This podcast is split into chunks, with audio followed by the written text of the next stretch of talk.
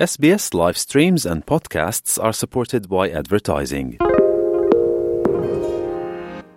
SBS is Australia's most trusted multilingual broadcaster. Our listeners are loyal, highly engaged, and have supported countless local businesses. We offer advertising packages for businesses of all sizes. Our experienced sales team will guide you through the process of owning a great campaign. Bring your own ad or have our production team make you something in one of our 68 languages. Start the conversation with your new audience today. Email sales at sbs.com.au. Dit is SBS Dutch. Soms kom je nieuwsberichten tegen en dan zie je dan een Nederlandse naam in voorbij komen. Al was het bij Roxy wel even twijfelen, maar er stond bij Nederlandse. En het ging over een autobrand. En ik denk, oh nee, het zal je maar gebeuren. Je hele hebben en houden in de auto en dan vlieg je in de fik. Dat was vast even schrikken, Roxy. Ja, ja, dat was het zeker. Kan je ons vertellen, wat is er gebeurd? Ehm, er is een, eh, we hebben heel veel pech gehad in principe. Ehm, we zijn met de auto 's ochtends eh, naar Shelly Beach gereden, hier in Sydney. Toen eh, zijn we daar gaan surfen en ehm, na de surf in de auto gestapt. Het was vrij koud, ik had verwarming aangezet. En de auto begon een beetje te sputteren. En toen heb ik hem weer uitgezet, aangezet. Nou, niet veel beter. En toen zeiden we, nou, we hoeven hier maar 10 minuten vandaan bij een vriendin aan te komen om de hond te passen voor die dag. Dus zeiden, nou, dat zal wel goed zijn. Dus we zijn ongeveer vier minuten onderweg geweest te rijden, vrij langzaam. Toen we opeens in Manly eh, aan de boulevard stopten en er onwijs veel rook uit de motorkap kwam. En toen eh, bleek de auto in brand zijn gevlogen. Ja, in Manly op de boulevard, veel bekijks neem ik aan. ja, dat zeker. Leuke plek, maar Ja. wel veel hulp waarschijnlijk ook. Ehm, ik las, jullie hele hebben en houden lag erin. Dan lijkt me toch even dat je even denkt, oh jee, wat nu? Ja, in principe omdat we zo langzaam reden. Vanwege de kortsluiting waren eh, een paar kabels gaan smelten. En wanneer dat eenmaal begint, kan je dat eigenlijk niet echt tegengaan. Nog is het heel moeilijk te identificeren, want de rest van de auto die, eh, die doet het gewoon. Dus ehm, uiteindelijk toen dat een beetje in vuur en vlam kwam en we stopten vanwege de rook die we zagen opkomen, hebben we de motorkap opengezet. En toen zagen we in principe een kleine vlam ehm, opkomen.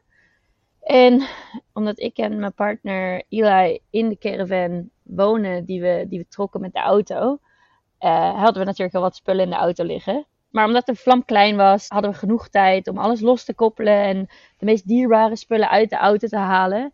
Met heel veel hulp van de bijstaanders, zoals je al zei. Dus eh, ja, toen zijn we er eigenlijk wel heel goed van afgekomen in dat principe. Behalve dat de auto is afgebrand. Ja. Ik dacht dus, Eli en Roxy, dat zijn vast backpackers die dus nu enorme pech hebben en denken, oh jee, wat nu?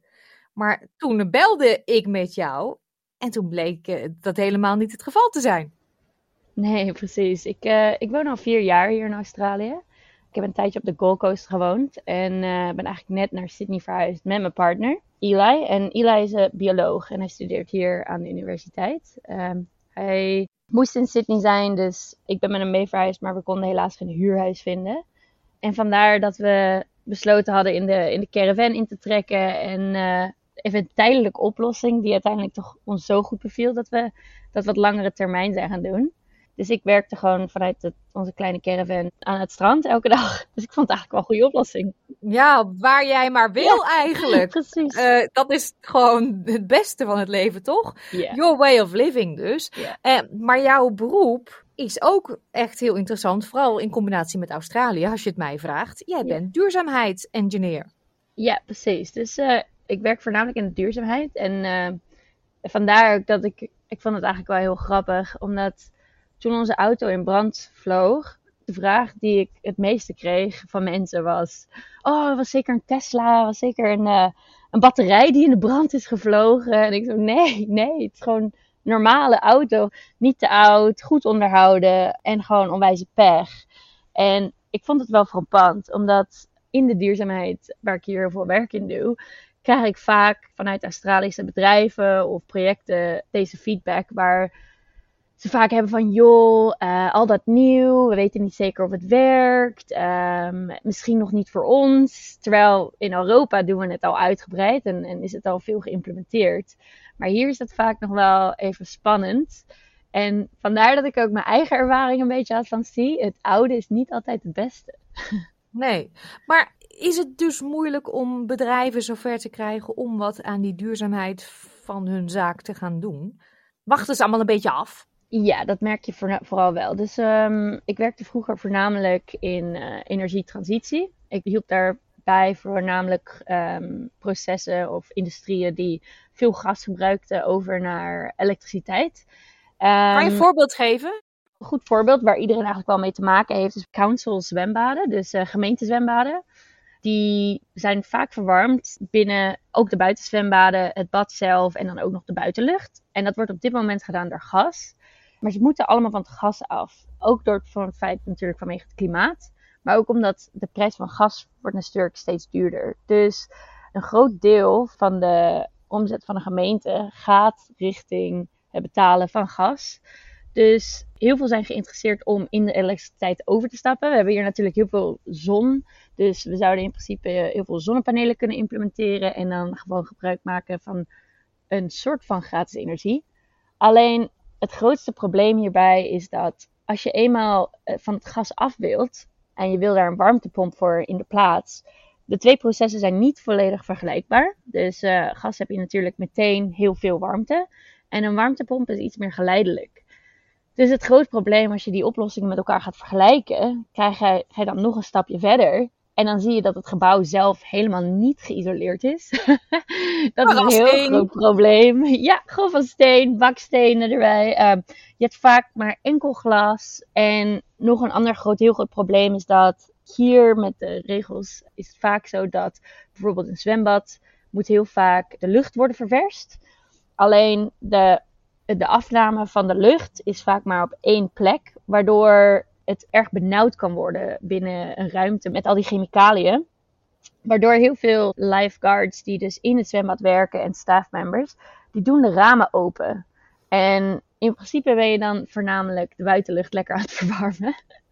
en dat is ook niet helemaal duurzaam. Dus de reden waar ik voor vaak aan werk word gezet, is vaak niet mijn eindoplossing. Als ik bijvoorbeeld een roadmap voor ze schrijf, dus een, een, een roadmap naar net zero of uh, energie reduction, dus energievermindering voor het gebruik. En aan het einde van zo'n proces kiezen ze er vaak voor om dan toch nog maar even tijdelijk zonnepanelen op het dak te doen omdat op dit moment dus niet de capaciteit of het doen hebben om over te stappen naar een duurzamer gebouw uh, om het te laten renoveren. Nog om de warmtepomp aan te schaffen. Want ze zeggen vaak, laat het nog maar even eerst iemand anders doen. en als dat iedereen zegt, dan loop je vaak een beetje tegen dezelfde problemen aan, omdat uiteindelijk niemand uiteindelijk die eerste stap neemt. En dat merk ik wel heel erg hier in de duurzaamheid in Australië dat dat helaas wel een beetje een probleem is. Dat lijkt me heel frustrerend dan. Ja, dat kan het zeker zijn. Maar je kan het ook aannemen als een beetje een, een insight in de cultuur. Hoe denkt iedereen erover? Klimaat, wiens probleem is dat nou? En hoe betrokken voelt iedereen zich daarbij? En je ziet dat veel mensen en gemeentes en mensen van de overheid en ook uh, grotere bedrijven vaak wel een response hebben. Dus ze, ze antwoorden op klimaatactie, het is nu nodig.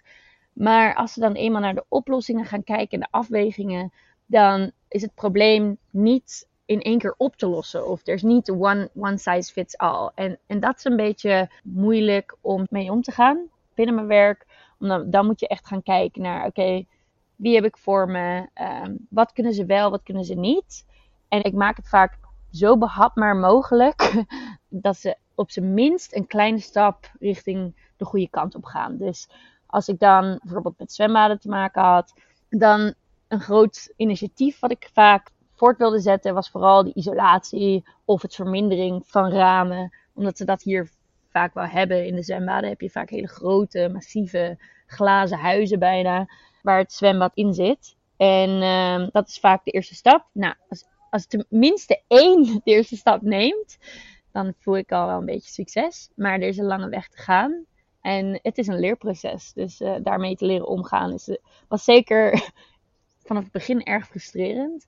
Maar uiteindelijk ook wel een goede leerschool om, uh, ja, om toch wel een beetje progressie te maken. En niet te zeggen van, kijk, je probleem is zo groot. Het beste wat je kan doen is een nieuw zwembad bouwen. Maar zo klinkt het wel natuurlijk. En zo, dat zullen die councils ook denken. Ja, maar dat kost me een bak geld. Maar ja. waarschijnlijk op de lange termijn of middellange termijn hebben ze dat zo terugverdiend omdat ze die gasrekening niet meer hebben. Precies. En, uh, en dat is een beetje een afweging. Nou, hebben natuurlijk met de gemeentes ook politiek heeft er ook mee te maken. Dus uh, degene die dan um, nu misschien burgemeester is of verantwoordelijk is voor de duurzaamheid binnen de gemeente, ja, die willen het natuurlijk niet allemaal op hun schouders hebben. En vaak is het een beetje een, uh, ja, een soort van doorgeefluik. Dus ik ben dan uh, gevraagd om zo'n zo'n plan te schrijven. Dat communiceer ik dan naar het duurzaamheidsteam binnen de gemeente. En die moet dan nog even bij, bij de board of directors of bij degene die aan het hoofd zit op dat moment en de beslissingen maakt, op de deur kloppen en zeggen: Kijk, dit is de rekening die we op dit moment zouden moeten ondertekenen. En dan zien ze vaak alleen maar het grote bedrag staan en niet de winsten. Dus ja, dat is moeilijk om te communiceren. En ik denk dat we in Nederland vaak wel hebben van wauw, dit is het probleem, dit moeten we aanpakken, dit gaan we zo doen. Waar in Australië nog wel eens wordt gezegd van ja, niemand anders doet het echt. Dus als wij het dan zo meteen als eerste doen en het lukt niet, of het gaat niet goed, dan is dat zo meteen onze schuld. Maar we kunnen natuurlijk moeilijk vooruitgang maken zonder vallen en opstaan. Dus uh, nou ja, daar probeer ik een heel groot verschil in te maken en, en daar werk ik hard aan. Dus, ja, heb je eh, ook al bedrijven gehad die je wel zover hebt kunnen krijgen? Een hele grote stap hebt kunnen maken? Ja, dus in principe werk ik binnen verschillende sectoren. Dus uh, gemeentewerk is één onderdeel ervan. Maar ik focus erg op energie en op emissions, dus op uitlaatgassen.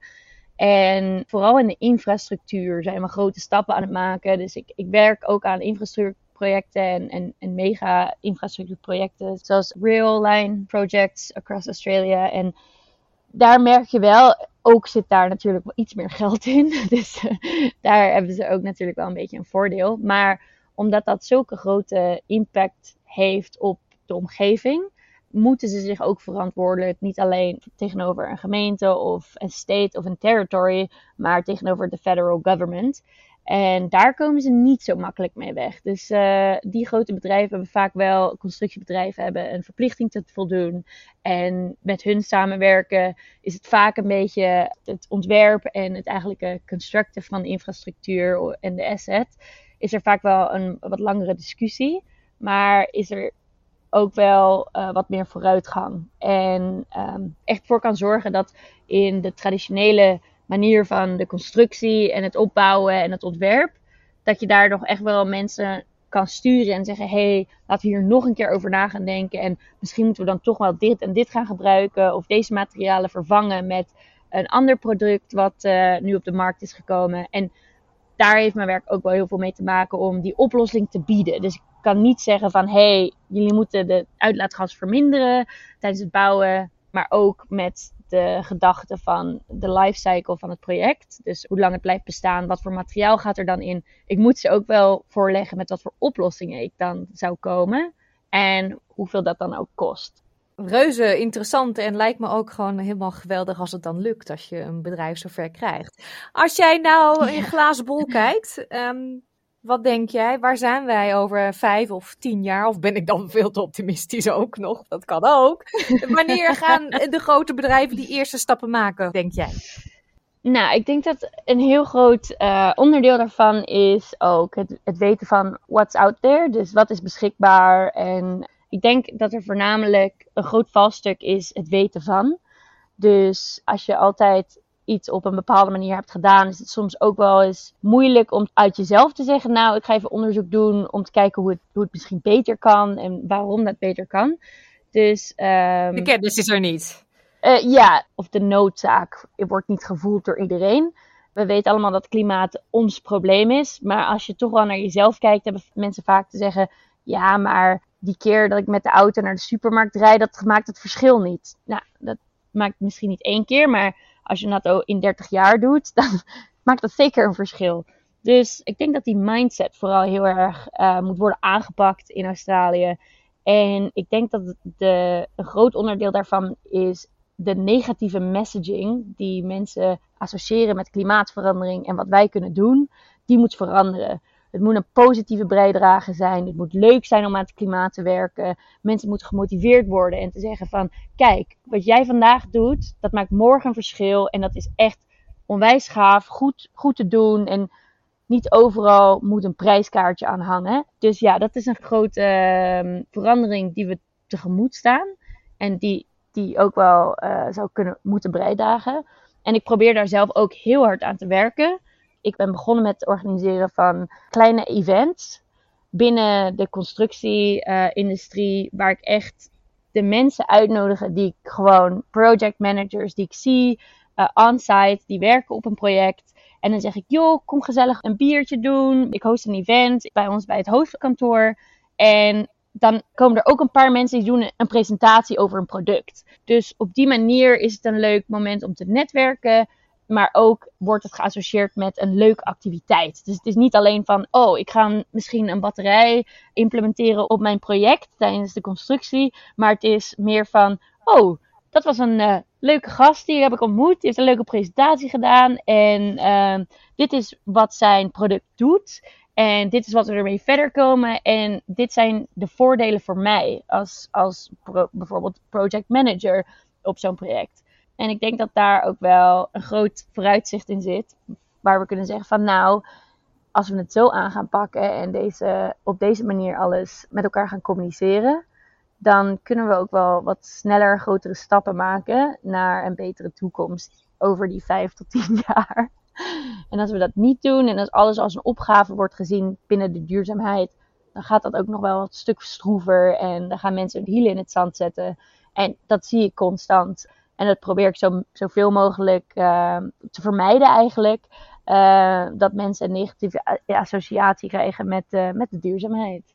Ja, nou ik zeg keep on the good work. Dat, uh, geweldig klinkt het. Je hebt wel een hele grote uitdaging nog, hoor ik. Ja, dat, dat zeker. Maar gelukkig uh, heb, je, heb je natuurlijk ook nog de internationale regelingen die opkomen. Europa die zijn best doet om ehm, verandering in te brengen.